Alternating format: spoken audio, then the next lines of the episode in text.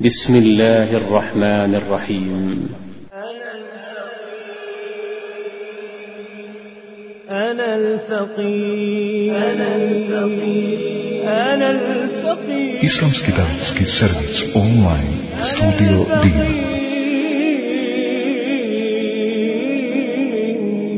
أنا الفقير إلى رب السماوات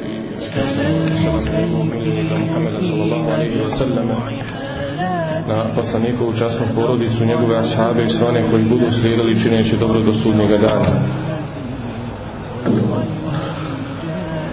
Čovjek, kao što znamo, je postavljen na Dunjalu ili na ovoj zemlji kao Boži namjesnik i Allahov namjesnik da bi E, izvršio ono što je Allah subhanahu wa ta'ala preko svojih poslanika i svojim knjigama je li objasnio ljudima i način na koji treba da žive da bi to oni praktično sproveli u svome životu.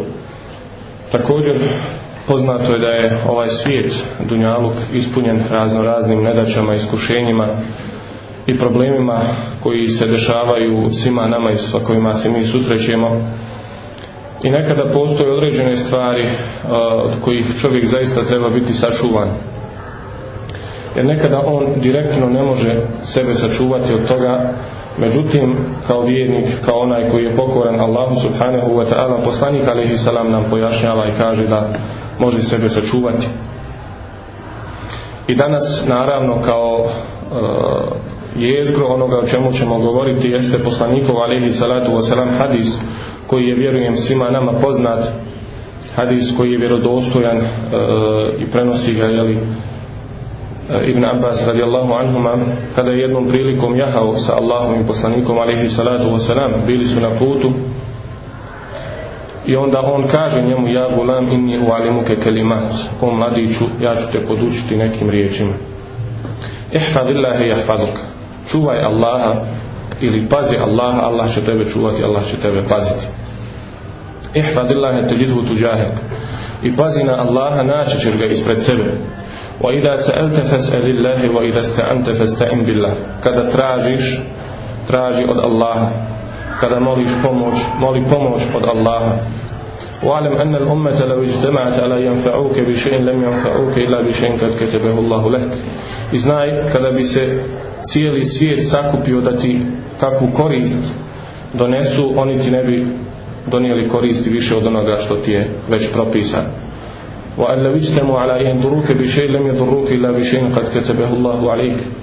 i kada bi se opet sakupili da ti našteti, da ti kakvu štetu načini, oni ti ne bi naštetili više od onoga što je već propisano. rubija ali laklamu o kaže se na kraju hadisa, pera su podignuta i strance su osušene. Naravno, postoje i druge e, predaje i predanja ovoga hadisa.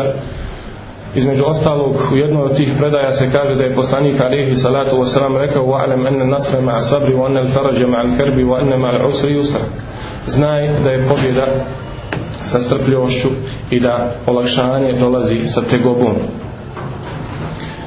Ovdje se dodaju još neke stvari na, na ono što je poslanik alihi salatu wasalam rekao u tom hadisu. Međutim, samo ovaj hadis e, u islamskom pisanju i kod islamskih učenjaka i autora ima svoju veliku težinu. I nećemo vidjeti ni jedno hadisko djelo koje je pisano i u kom su sakupljeni hadisi, a da nije ovaj hadis došao među prvima jeli, u tom dijelu. I poznata je Nevevijeva zbirka 40 hadisa za koju on kaže da je sakupio tu hadise za koju su islamski učenjaci rekli da je ili je taj hadis temelj vjere ili vjera e, kruži njeni propisi kruže oko tog hadisa ili on opet čini pola vjere, trećinu vjere zavisno od toga kako je je li ocijenjeno samome hadisu ili kako su to islamski učenjaci ocijenili, on je zbog toga sakupio te hadise.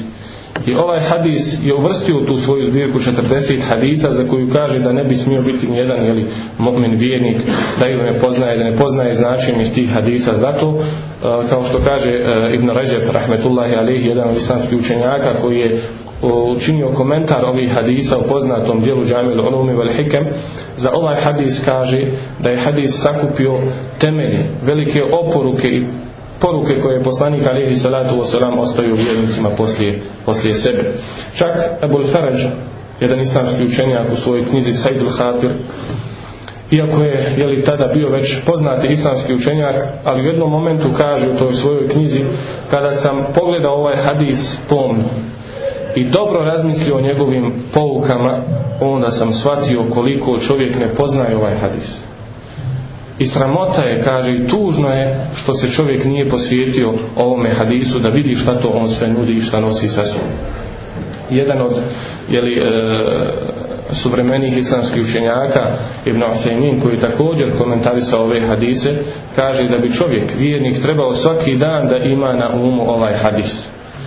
I zaista kada vidimo koje temelje, temelje e, islamskog vjerovanja, islamskih ubjeđenja nosi ovaj hadis sa sobom, zaista zaslužuje da svakodnevno razmišljamo o njemu. Prvo vidjet ćemo da ovaj hadis nosi jedan temelj koji je bitan, bez kojeg ne možemo uopšte govoriti o islamu i o vjerovanju, a to jest ihlas ili iskrenost.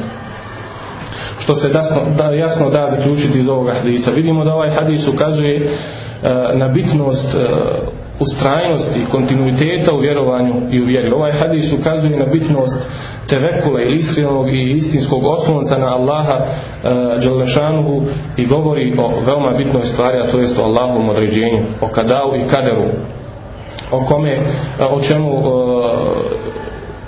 je mnogo onih jeli, koji slabo poznaju ovu temu ili oblast i također na kraju možemo jeli, konstatovati da ovaj hadis ukazuje na bitnost i Allahovog poslanika alihi salatu wasalam. Naime, na samom početku vidimo da poslanik, alihi salatu wasalam, kada se obraća Ibn Abbasu, a Ibn Abbas, kao što kažu islamski učenjaci, kao što je zabilježeno u historijskim dijelima, eh, je imao negdje oko 15 godina kada je poslanik alihi salatu wasalam preselio na Ahiret. Što znači da je bio mladić, dječak ako možemo reći. A opet kada pogledamo riječi koje je kazao poslanik Alihi Salatu Wasalam ovom dičaku i ovom mladiću, što je sigurno bilo prije nego je e, bila ta zadnja godina kada je poslanik Alihi Salatu Wasalam preselio na Hiret, vidimo da su to jeli, ogromne stvari, veoma bitne stvari. Iz ovoga se jasno da zaključiti kako je poslanik Alihi Salatu gledao na omladinu kako je gledao na taj mladi narašta i da se obraćao i govorio sa njima kao sa odraslim osobama, kao sa osobama koje su potpuno spremne preuzeti odgovornosti, potpuno spremne preuzeti obaveze na sebe, izvršiti svoju dužnost u datom momentu. I to su ashabi kao što je bio Ibn Abbas, kao što je bio Ibn Omer, kao što su bili drugi ashabi koji su bili dječaci jeli, u periodu objave i kada je poslanik Alehi Salatu sram pozivao u Islam, oni u stvari iznijeli Islam na svojim plećima poslije smrti Allaha poslanika poslanika gdje su prenijeli e, mnogobrojne predaje koje je poslanik alaihi salatu kazao gdje su pojasnili kuranske ajete gdje su govorili o tefsiru a bili su, bili su dječaci što svakako nama govori da jedan čovjek, mu'min vjernik koji ima mogućnosti ili čak koji je odgovoran za e, određene mlade naraštaje kako se on mora odnositi prema njima. Nažalost mi danas imamo situaciju da imamo momaka od 18 godina da nismo u stanju sa njima razgovarati i povesti jedan konstruktivan razgovor o nekim bitnim stvarima, kamoli da im nešto savjetujemo. Da ne govorimo li o mlađim naraštajima kada nismo u stanju reći ni jedan obični mali savjet, čuvaj se droge, čuvaj se alkohola, čuvaj se ostalih poroka, li na sve to dolazi e, nekakav smiješak, osmijeh, podsmijavanje i tako dalje. A poslanik alihi salatu Oselam e, je imao jeli, takvu generaciju mladića pred upravo zbog toga što je iskoristavao svaku priliku i što je znao kako pričiti mladićima gdje poslanik alihi salatu Osram na jednom putovanju dvojica jašu na istoj jahalici jer nije se imalo uh, Ibn Abasa radijallahu anhuma iako je uvijek bio spreman čuti šta mu poslanik alehi salatu uh, poručuje i govori kaže ja gulam o mladiću Prvoga prvo ga doziva, skrećem pažnju, onda kaže inni ualimuke kelimat. Ja ću te podučiti nekim riječima. Kelimat u arapskom jeziku, jeliko ko poznaje, zna da sama ova riječ e, kelimat znači nešto kratko lahko, nije teško za zapamtiti. I samim tim je on skrenuo pažnju na Abbasovu da ono što će čuti i što će jeli, saznati je sasvim lako za naučiti i da treba jeli, dobro paziti. Zato što u ovim drugim predajama koje se prenose čak se kaže da je poslanik Alihi Salatu rekao Ela ehebu ela Allahu bihi. Kaže da ti nešto darujem, da ti nešto poklonim, nešto čime će te Allah jeli, e, okoristiti ili od čega ćeš imati koristi Allahovom dozvolom. I naravno, ovo nam ukazuje da čovjek kada želi da e, poziva u nešto, pogotovo ili kada želi da poziva ono što je poslanik Alihi Salatu Osalam kazao u ovom hadisu i drugim hadisima, da mora privući pažnju onoga kome govori. Poslanik Alehi Salatu sram u ovom trenutku iskoristio ono najbolje što je mogao, jeli da riječima nekako privuče pažnju. Ali mi danas kada imamo sredstva, kada imamo metode, kada imamo nauke jeli, koje se bave kako čovjek da priđe određenoj osobi, kako da mu ponudi ono što ima ponuditi, jeli svakako da moramo imati to u vidu i svakako da to moramo maksimalno iskorištavati. Jer ne možete tražiti od nekoga koja je zaokupiran u svome životu nečim drugim, da jednostavno dođe ovdje i sada sjedi sa nama i sluša. Naravno ima takvih koji su željni čuti, ali e, nekada je potrebno naći nekog drugog metoda da bi mu se nešto kazalo. Bilo čemu se radilo. Poslanik Alihi Salatu Wasalam je to iskoristio. Također, e, islamski učinjaci ili na samom početku kada govore o ovome hadisu kažu da je vrlo bitno da, da iskoristimo svaku priliku pa makar to bile i prilike koje možda smatramo da nisu za toga, nisu za tih riječi, ali da ih iskoristimo i da kažemo kao što je poslanik Alihi Salatu Osalam iskorištavao. Zato što je bila dužnost Uh, eh, jeli poslanikova alihi salatu wasalam kao što je dužnost i svi onih koji su preduzeli tu zadaću na sebe kao što su islamski učenjaci, kao što su e, oni koji jeli, e, se bave proučavanjem, istraživanjem islama i onda to jeli, prezentuju ljudima, znači moraju e, i oni iskorištavati svaku tu priliku kao što je poslanik Alih Salatu s iskorištavaju, je to bila obaveza. Bila je obaveza podučiti mlade naraštaj ispravnom islamskom vjerovanju. Jer čovjek ako e, svoje vjerovanje i ubjeđenje izgradi kako treba i postavi na pravne temelje, onda praksa ili praktični propisi koji su propisani u islamu, nešto što se naziva fiqh, bilo da se radi o poglavlju muamelata, znači međuljudskih odnosa, ili da se radi o poglavlju ibadata, čovjekovom odnosu prema njegovom gospodaru, obožavanju, robovanju i tako dalje, to onda liježe samo po sebi i dolazi na pravo mjesto. Tako i ashabi, znači prijatelji Allahovog poslanika, alihi salatu salam nakon što je izgradio kod njih čvrste te temelje i čvrstu vjeru, još od malih nogu, onda svaki ajet kada bi bio objavljivan, kako to kaže se u samome Kur'anu, onima koji vjeruju povećao bi njihovo vjerovanje a onima koji ne vjeruju, ne vjeruju povećao bi njihovo nevjerovanje.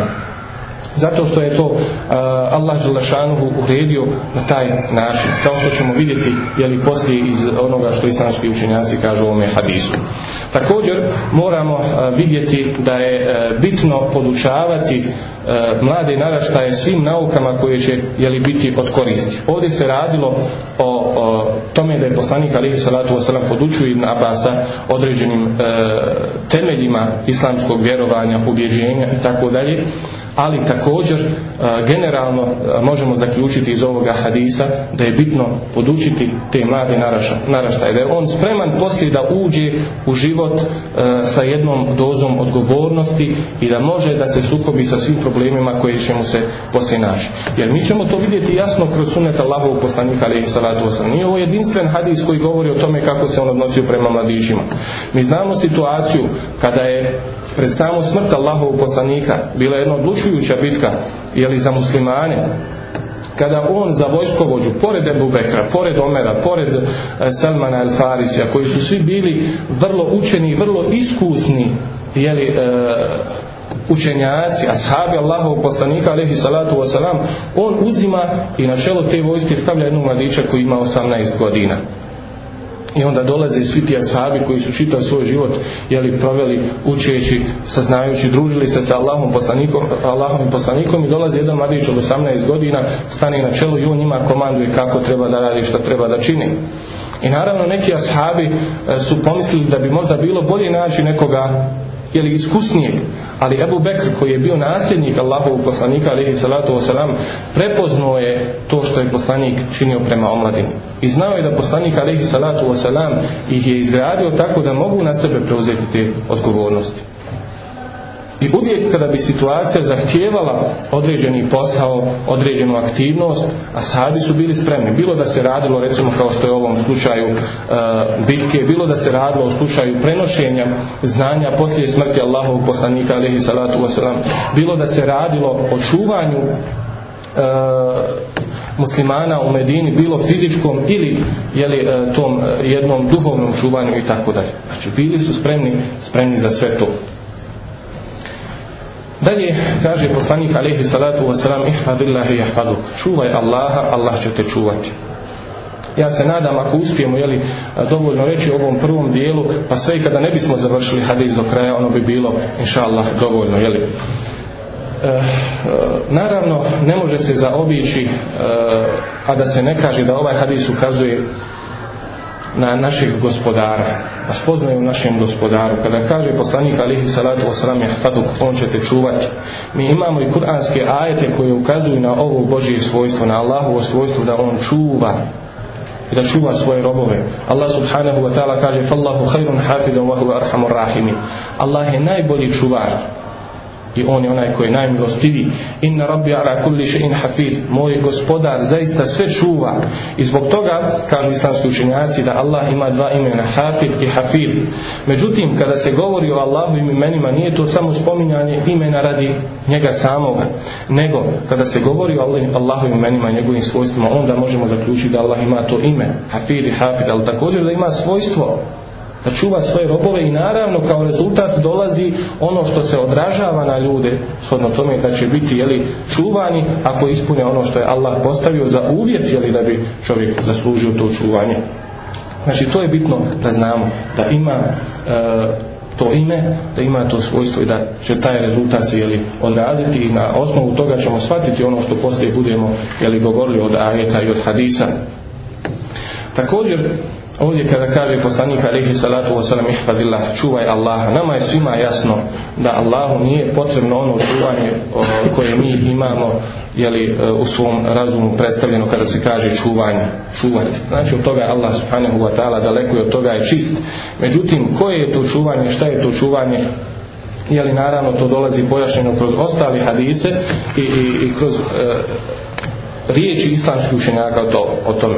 Recimo, svi oni koji, koji su komentarisali ovaj hadis od islamskih učenjaka, bilo da se radilo to o, o e, Ibn Ređepu, bilo da se radi o Ibn Datih Idu, bilo da se radi o Nevebi i drugim islamskim učenjacima koji su napisali djela na tu temu, kažu da to čuvanje podrazumijeva prvo čuvanje Allahovih granica, znači koje je on postavio, bilo u granice prema njemu ili granice prema ostalim, prema drugim ljudima, prema Allahovim stvorenjima, općenito.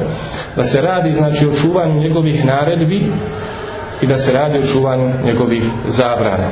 I u stvari kada to sakupimo vidjet ćemo, možemo zaključiti da se u stvari radi u jednoj definiciji takvaluka ili bogobojaznost, koju su islamski učenjaci definisali kao što smo više puta spomenuli, svaki put kada imam priliku da kažem, ja spomenem tu definiciju jer ona je u stvari ono e, pravo što vjerniku, što čovjeku treba.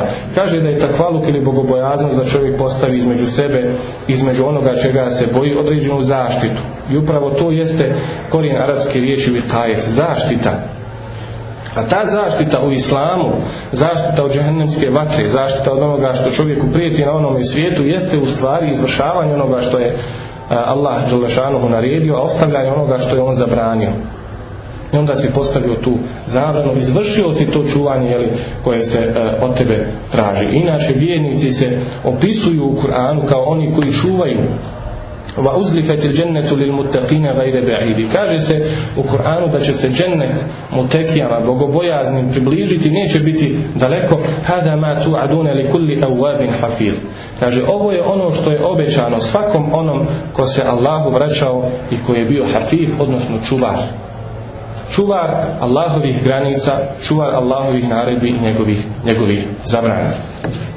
Naravno, e, to je općenito kada se radi o čuvanju Allahove vjere. Međutim, vidjet ćemo da postoje određena djela koja su e, veoma bitna i zbog toga je Kur'an posebno naglasio ta djela da ih je bitno čuvati. Na samom čelu toga vidjet ćemo da se nalazi namaz. وحافظوا على الصلوات والصلاة الوسطى Kaže se u Kur'anu, čuvajte svoje namaze, a pogotovo onaj središnji namaz. I Allahu ponizno klanjajte se. Središnji namaz, to je li po mišljenju islamskih učenjaka i kindija. Ali sigurno da namaz ovdje kada se spominje u ovom ajetu bitnost njegovog čuvanja ima svoju težinu. Zašto? Zato što namaz u stvari reguliše jednog vjernika.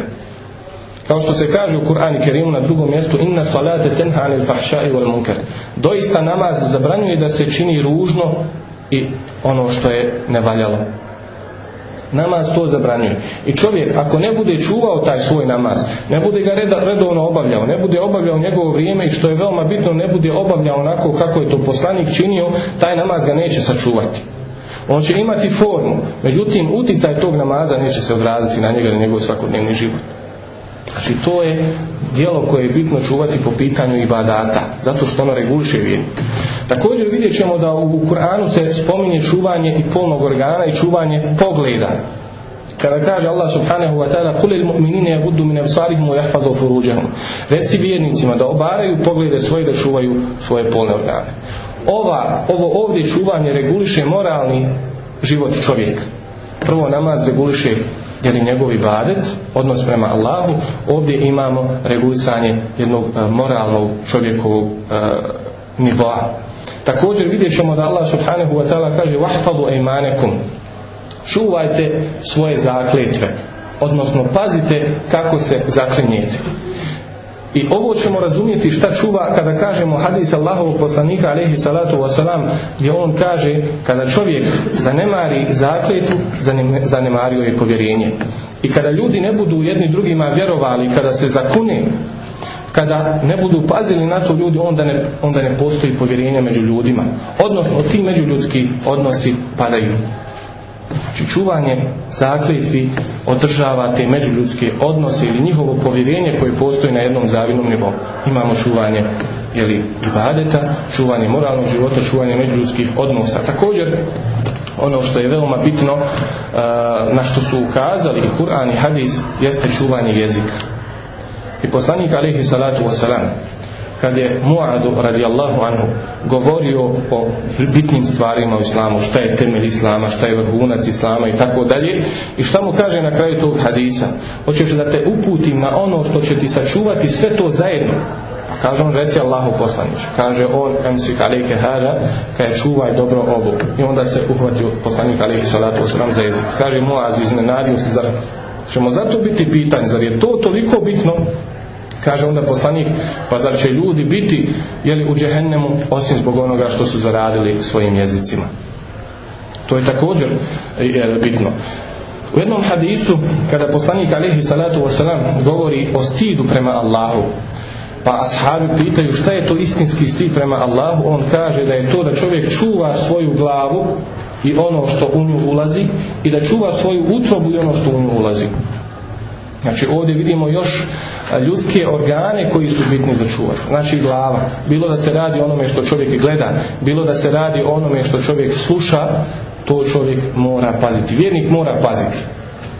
Jer E, iman i vjerovanje u Allaha subhanahu wa ta'ala kao što to možemo jasno zaključiti kroz islamske generacije je nešto što je dar od Allaha subhanahu wa ta'ala i čovjek ako ne bude pazio ako bude upijao sve što mu se nudi bilo gledanjem ili bilo slušanjem onda dolazi u jednu opasnost za to svoje vjerovanje mi znamo e, jasne primjere velikih islamskih učenjaka kao što je bio Sufjane teorije koji se e, i pored svog velikog iluma koji su čak nazivali more znanja je li čuvao onoga što će čuti i onoga što će vidjeti da ne govorimo je li pogotovo o haramima koji se mogu čuti od ogovaranja laži i tako dalje također da čovjek čuva svoju utrobu el batne wama hawa kao što se kaže u hadisu batn je sve ono što se nalazi unutra u ovom dijelu od je li vrata do pojasa bilo da se radi o čovjekovom srcu bilo da se radi o njegovim ostalim organima znači e, šta ćeš i kome ćeš posvetiti svoje srce, zatim šta ćeš od hrane i pića unijeti u svoje tijelo, da li će to biti halal ili će to biti haram, sigurno jedan vijenik treba paziti i čuvati na to. Sve su to stvari koje nalazimo jasno kazane e, u Koranu i u sunnetu da se moraju čuvati i podrazumijevaju onaj prvi dio poslanikog alihi salatu wasalam hadisa čuvaj, čuvaj Allaha E onda, kada ispuniš to što se od tebe traži, dolazi ovaj drugi dio. Allah će tebe čuvati. Pa kako to i na koje načine sve Allah čuva one koji zasluže to čuvanje? Prije svega na samom e, početku se mora jasno kazati da ono što je najvrijednije za vjernika i što on najviše voli jeste njegova vjera. I zato uvijek i na svakom koraku zahvaljuje Allahu na uputi koju mu je podario i moli ga da mu poveća tu uputu. I zato najviše što čovjek treba tražiti da ga Allah sačuva jeste e, čuvanje tog njegovog imana i njegove vjere i onda je jeli, postigao pravo čuvanje. Sve kada čovjek, djernik, kažem djernik, i e, izgubi nešto u materijalnom smislu, od ovoga života, od unjaluka, ali ako mu je ostala njegova vjera, njemu je se mnogo lakše snaći, njemu je mnogo lakše, lakše preboljeti sve te gubitke. Ali ako izgubi svoju vjeru ili njegova vjera bude e, manjkava, onda da ne znam ti kako živi u blagodatima ovoga svijeta vijenik nije rahat i njegova duša jeli, nije na Zato e, Allah subhanahu wa ta'ala sigurno i na prvom mjestu čuva čovjekovu vjeru i njegovo ubjeđenje islamsko. Također vidimo da Allah u Kur'anu govori o tome da čuva svoga roba i na odlasku sa ovoga svijeta u njegovoj vjeri. Znači da preseli kao mu'min, kao vjernik kada kaže subhanahu wa ta'ala ahdi bi Vi izvršite svoju obavezu prema meni, ja ću izvršiti svoju obavezu prema vama. Znači, i onaj koji cijelog života svoju obavezu prema Allahu izvršavao, čuvao ono što je Allah naredio da se čuva, a onda sigurno Allah i na neće čovjeka ostaviti. A poznato je, kao što kažu islamski učenjaci, da šeitan ne odustaje od vijenika sve do momenta dok ne ispusti svoju dušu. I e čak se kaže da šetan je tada e, najviše zainteresiran za vjernika onda kada je na umaru. Zato, zašto? Zato što je čovjek u tegobama, zato što se pojavljuje nešto što se naziva sekeratul meut ili smrtne muke za koje islamski učinjaci kažu da jednostavno čovjek gubi nekada kontrolu nad svojim razumom i onda je, jeli, može se pojaviti moment kada je lahko čovjeka odvesti od njegove vjere. Međutim, onaj koji je tokom cijelog svoga života bio čvrst, onda i u ovom momentu ne može, ne može klonuti. إن الذين قالوا ربنا الله ثم استقاموا تتنزل عليكم عليهم الملائكة ألا تخافوا عليكم oni koji su rekli naš gospodar je Allah a zatim ostali čvrsti ustrajni kaže meleki im dolaze i spuštaju se i kaže nemojte tugovati nemojte strahovati tada se spuštaju kaže Ibn Kesir komentator ili Kur'an Kerima je poznato njegovo djelo na tu temu kaže da meleki dolaze u tom momentu kada čovjek napušta ovaj svijet dolazi meleki da ga učvrste.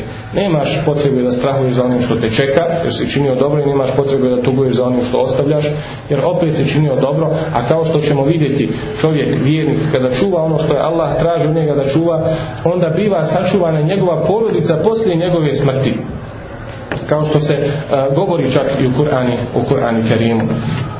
I zato e, je i poslanik alaihi salatu wasalam podučavao svoje ashave ovome upravo jeli da bili sačuvani tada. I čak se kaže u nekim dijelima koja govori o čovjeku da u tom momentu jeli samrti šeitan dođe čovjeku i znamo se predstaviti u ligu njegovih roditelja, njegovog oca ili majke i pozivati ga u određenu drugu religiju i ubeđivati jeli kako je to e, dobro i kako je najbolji. I čak se prenosi za određene islamske učenjake kada su bivali na samrti kada su bivali na samrti, kao što je bio Ahmed ibn Hanbel, uh, kaže uh, tokom jeli, tih muka kroz koje prolazi, on je govorio ne, ne. I onda njegov sin Abdullah koji je sjedio pored njega kada je već došao, jeli, popustilo ga to malo došao sebi i pita ga, jeli, šta si govorio, zašto si govorio ne? Kaže, došao mi je šeitan i rekao, gotovo je Ahmed, ti si uspio, sačuvao si se od mene i odlaziš na onaj svijet kao ali ja sam govorio ne, ne. Odnosno čovjek ne iziđe njegova duša iz njega nije sačuvan, a kažemo Allah subhanahu wa ta'ala je li čovjeka vjednika čuvaju tim momentima. Također, Allahovo čuvanje biva i tako što on e, postavi pregradu ili e, perdu između čovjeka i grijeha. I poznat, poznat je primjer u Kur'anu Kerimu koji nam jasno govori o tome. Primjer Jusufa Ali koji nakon što su ga njegova braća odbacila, nakon što su ga ostavili u pustinji i nakon što je došao kao jeli sluga kod e, egipatskog namjesnika i kod njegove žene, u jednom momentu, pošto je bio veoma lijep, njegova žena ga je poželjela. I čak se u Kur'anu kaže da je i on osjetio nešto prema njoj. I onda, jeli kada su se osamili, pozvala ga je da učine e, blud. Međutim, tada je on vidio znak svoga gospodara. Šta kažu islamski učenjaci, koji je on to znak vidio? U stvari, to je bio znak njegovog vjerovanja i snažne vjere. To što je, jeli, čitav život čuvao ono što mu je Allah naredio, tada je Allah njega sačuvao i postavio pregradu između njega, između njega i tog griha. I to je li nalazimo i u Kur'anu Kerimu kada Allah subhanahu wa ta'ala kaže ja yuhalladina amanu stajibu lillahi wa lirrasuli da da'akum lima yuhyikum wa anna Allah yahulu bainal mar'i wa qalbi. O vjernici, odazovite se onome u što vas poziva Allah i njegov poslanik i znajte da Allah zna rastaviti čovjeka od njegovog srca ili zna postaviti pregradu između čovjeka i njegovog srca o čemu se radi? Nekada insan poželi nešto i poznato je da je duša ta koja čovjeka nagovara na ono što je loše. maritum bisu, kako se kaže u Kur'anu, ona koja nagovara na ružno i na loše. I čovjek poželi i pruži mu se prilika da učini i da bude prepušten sam sebi možda bi to učinio, ali u tom momentu Allah staje između njega i njegovog srca znači ta želja biva odvojena od razuma i onda eh, on eh, Pojma stvari Kur'anom i sunnetom onako kako je naučio kroz islam i biva, biva sačuvan toga. Znači na taj način Allah subhanahu wa ta'ala čuva čovjeka. Kada kaže subhanahu wa ta'ala lahum aqibatun min bayni yadayhi wa min khalfi min amri Allah. Kaže on ima one koji su ispred njega i iza njega koji ga čuvaju od onoga što je jeli, Allah stvorio. Kaže Ibn Abbas radijallahu anhuma da su to radijallahu anhuma da su to stvari meleki koji su pored čovjeka neprestano i koji čuvaju vjernika. I kada bilo šta dođe jeli, da mu E, naudi, oni se ispriječe e, između toga, osim onda kada je Allah zaista propisao da se nešto desi, onda se oni jeli skloni i to se vjerniku dešava. Sve ostalo, svaki put kada neko želi nešto da uradi e, vjerniku, kada mu se trebalo jeli, po ljudskim nekim rezonima nešto desiti, a ono se ne desi, u stvari to je to čuvanje koje Allah subhanahu wa ta'ala spominje tu. I zato kaže Abdullah ibn Amr radijallahu anhuma da Allahu poslanik nikada nije ispuštao eh, ili nikad nije propustio eh, ni jutro ni večer da ne izgovori sljedeću dovu ili sljedeće riječi Allahumma inni as'aluka al-afiyata fi dunya wal akhir Allahumma ja od tebe tražim zdravlje i salamet i na dunjalku i na ahiretu. Allahumma inni as'aluka al wal afiyata fi dini wa dunjaje wa ahli wa mali. Allahum moj ja od tebe tražim dobro i za moj e, život na ovome svijetu i za moju vjeru i za moju porodicu i za moj imetak Vastur e, avrati wa amira ati kaže sakri moje mahane i umiri moje strahove i kaže dalje wa hazni min bejne i čuvaj me da mi ne dođe kako zlo ispred mene wa min halfi ili da ne dođe iza leđa wa an yamini ili da ne dođe s desne ili lijeve strane u eh, min felti ili od ozlu wa uzubi alametke na uhtale tahti i tvojom veličinom ti se utičem da mi se kako zlo vezi ispod mene. Znači sa svih strana je poslanik sallallahu alaihi ve je li molio e, svoga gospodara da ga e, sačuva.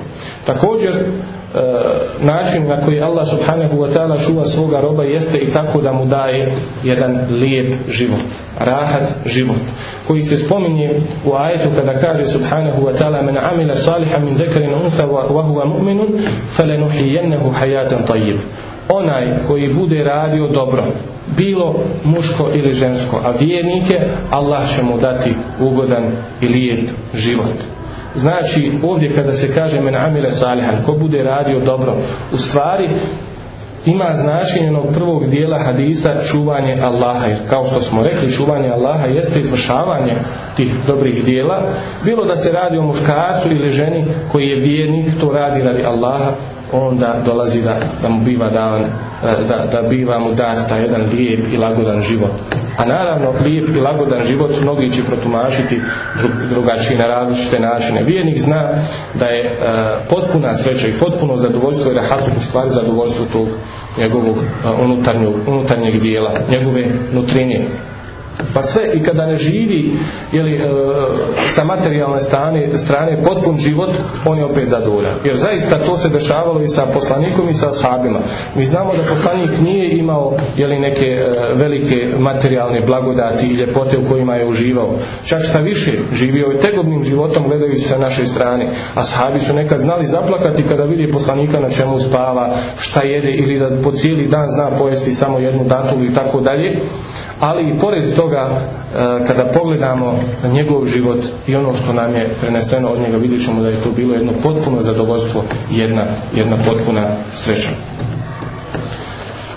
i e, pošto se bojim ili da ne bih e, plaho oduljio, otprilike to je e, što se tiče prvog dijela hadisa čuvaj Allaha, Allah će te čuvati ono što bi se moglo reći, moglo kazati, jeli kako to biva naše čuvanje Allaha, odnosno čuvanje njegove vjere i kako biva rezultat toga da Allah sačuva onoga koji ispuni ovaj prvi dio hadisa. Poslije toga dolaze dijelovi hadisa koji kod čovjeka izgrađuju njegov iskren oslonac i potpuno oslonac na Allaha koji ga čini čini e, samo pouzdanom osobom, osobom e, koja i kada se nađe sama u teškim situacijama, ona zna e, da njen oslonac je u potpunosti na Allaha i onda u takvoj situaciji naravno da se lakše i snalazi. Čovjek koji je naučio da samo traži od Allaha. Znači, ovdje nas u stvari uči da i maksimalno dajemo od sebe. Kada kaže poslanik Alihi Salatu kada tražiš, traži od Allaha. Kao da ti je rekao, nemoj se oslanjati previše na ljudi. I nemoj gledati na njih. Znači ono što ti uradiš od materijalnih e, činjenica da za ispunjenje određenog dijela to ti je to i nemoj previše gledati od ljudi odnosno daj svoj maksimum da se edukuješ, da se e, e, spremiš i fizički i duhovno za određenu stvar i onda kada se upustiš osloni se, se na Allaha. I sigurno da takvo izgrađivanje jedne mlade osobe kao što je bio Ibn Abbas i kao što su svi oni kojima je upućen ovaj hadis, a to jesmo svi mi sigurno kada znamo ove stvari da ćemo se puno lakše pripremiti za život makoliko on težak bio. I onda se nećemo uvijek vaditi na tešku ekonomsku situaciju, onda se nećemo uvijek vaditi na neke određene e, druge stvari Zašto? Zato što ima ljudi koji su ovo shvatili, stavili na pravo mjesto i snašli se i u vremenu i prostoru na kojem se našli. Dalje poslanik alihi salatu wasalam spominje kako čovjek treba da traži isključivo pomoć od Allaha i onda veoma bitna stvar Allahovog određenja. Da znaš da ono što ti se desilo nite je moglo jeli, e, e, zaobići, a što te je zaobišlo nite je moglo zadesiti. I naravno ovaj dio hadisa se nikad ne može posmatrati odvojeno od prvog dijela hadisa. Vidjeli smo da ovdje ovo kada poslanik kaže ako tražiš traži od Allaha uči nas da mi dajemo svoj maksimum. I onda kada smo dali svoj maksimum da uradimo nešto i ono se ne desi, a e, onda gledajmo ovaj drugi hadisa, dio hadisa. Znači bilo je propisano da se tako ne desi i da tako ne bude i nemojmo previše jeli, se brinuti zbog toga toga i nemoj da nas previše hvata depresija zbog toga nego nastavimo nastavimo jeli, e, dalje ja molim e, Allah subhanahu wa ta'ala e, da ono što smo rekli bude od koristi za, naš, za nas i za naše vjerničke živote. Molim ga subhanahu wa ta'ala da nas učini boljim vjernicima, da nam oprosti naše grijehe i da nas uvede u ženet. Ja opet tražim e, opravdanje od vas, zaista zbog kratkoće vremena, rekli smo onoliko koliko smo eh, rekli. Da vas Allah nagradi, sa poslušamo.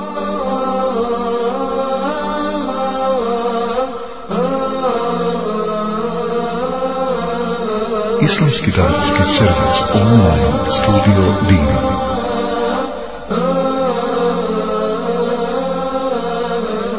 من هيج القلب حتى سار بركانا وفجر الروح يصار ونيرانا نام الخليون وارتاحت نفوسهم للذنوب من هيج القلب حتى ثار بركانا وفجر الروح يصارا ونيرانا نام الخليلون وارتاحت نفوسهم للذل وانتفض الشهيد عريانا